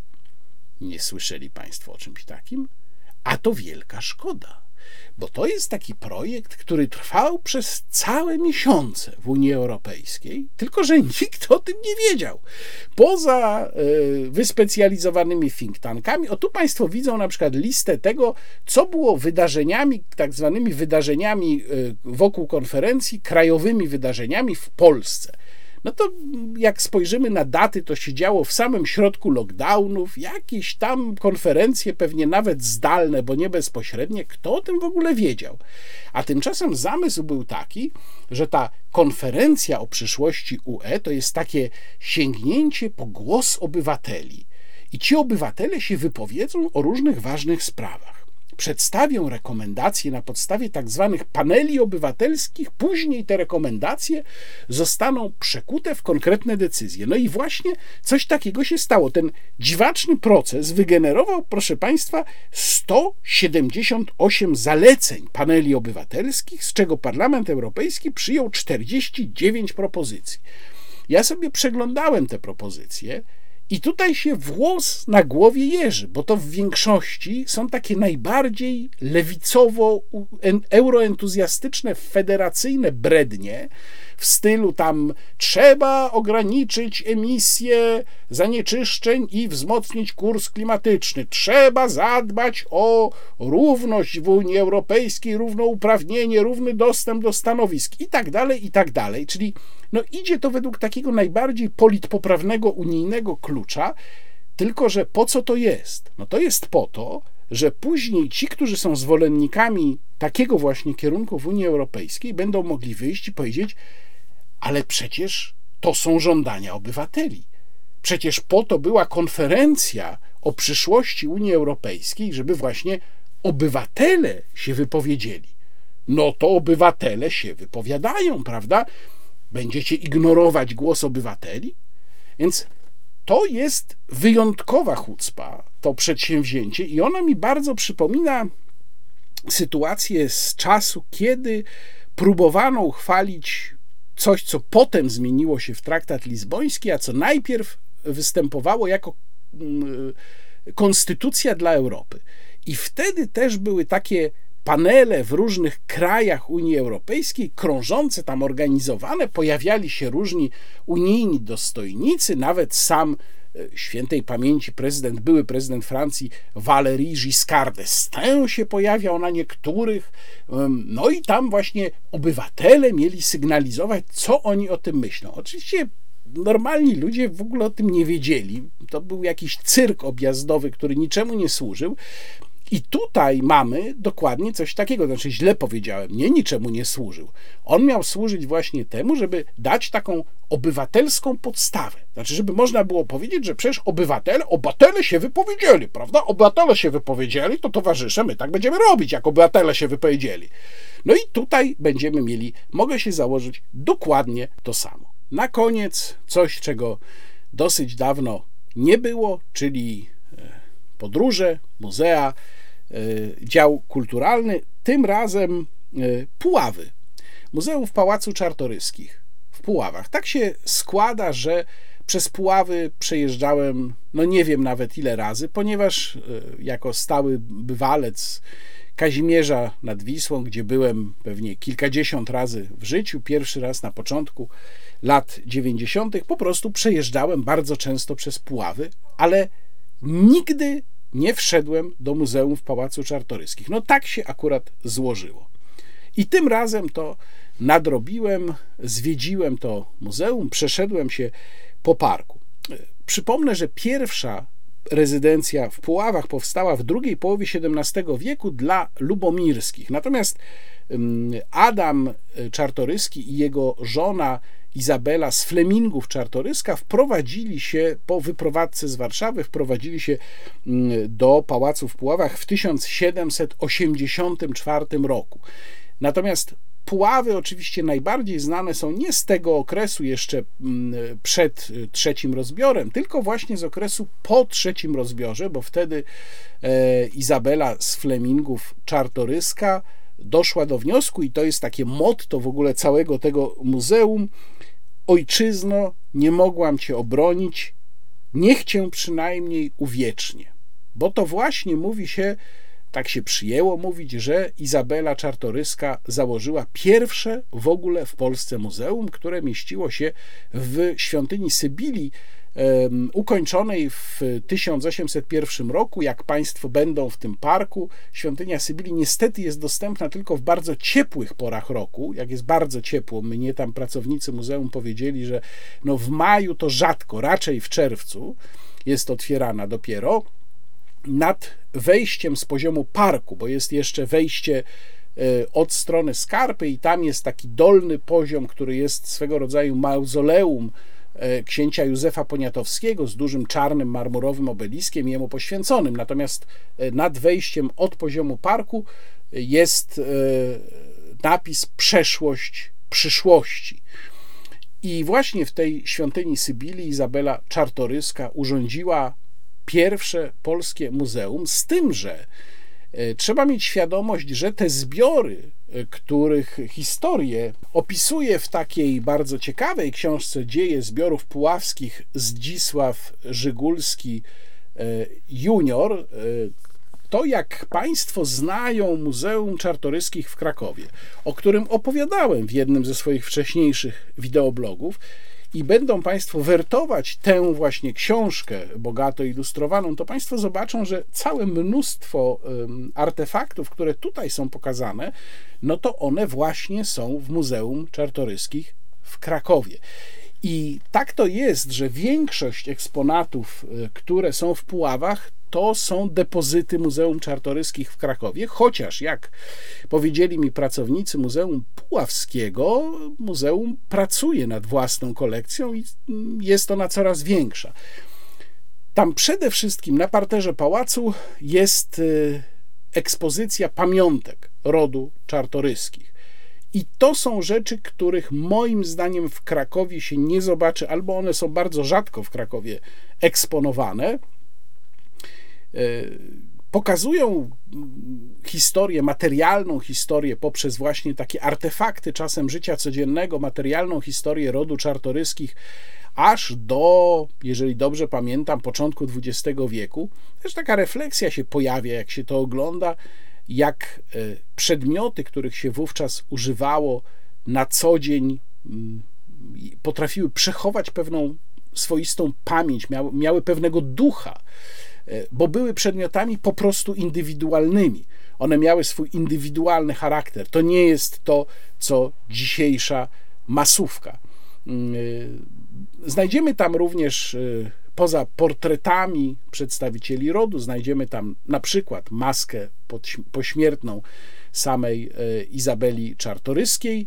E, znajdziemy różne przedmioty, które się zachowały w pałacu. Też trzeba pamiętać, że pałac niestety w połowie XIX wieku uległ e, pożarowi i z tego powodu duża część tych wnętrz, przez które przechodzimy, to są rekonstrukcje dokonane e, u schyłku lat 50. XIX wieku, na początku lat 60. XIX wieku, czyli nie są to wnętrza w pełni oryginalne, aczkolwiek oczywiście bryła pałacu jest oryginalna.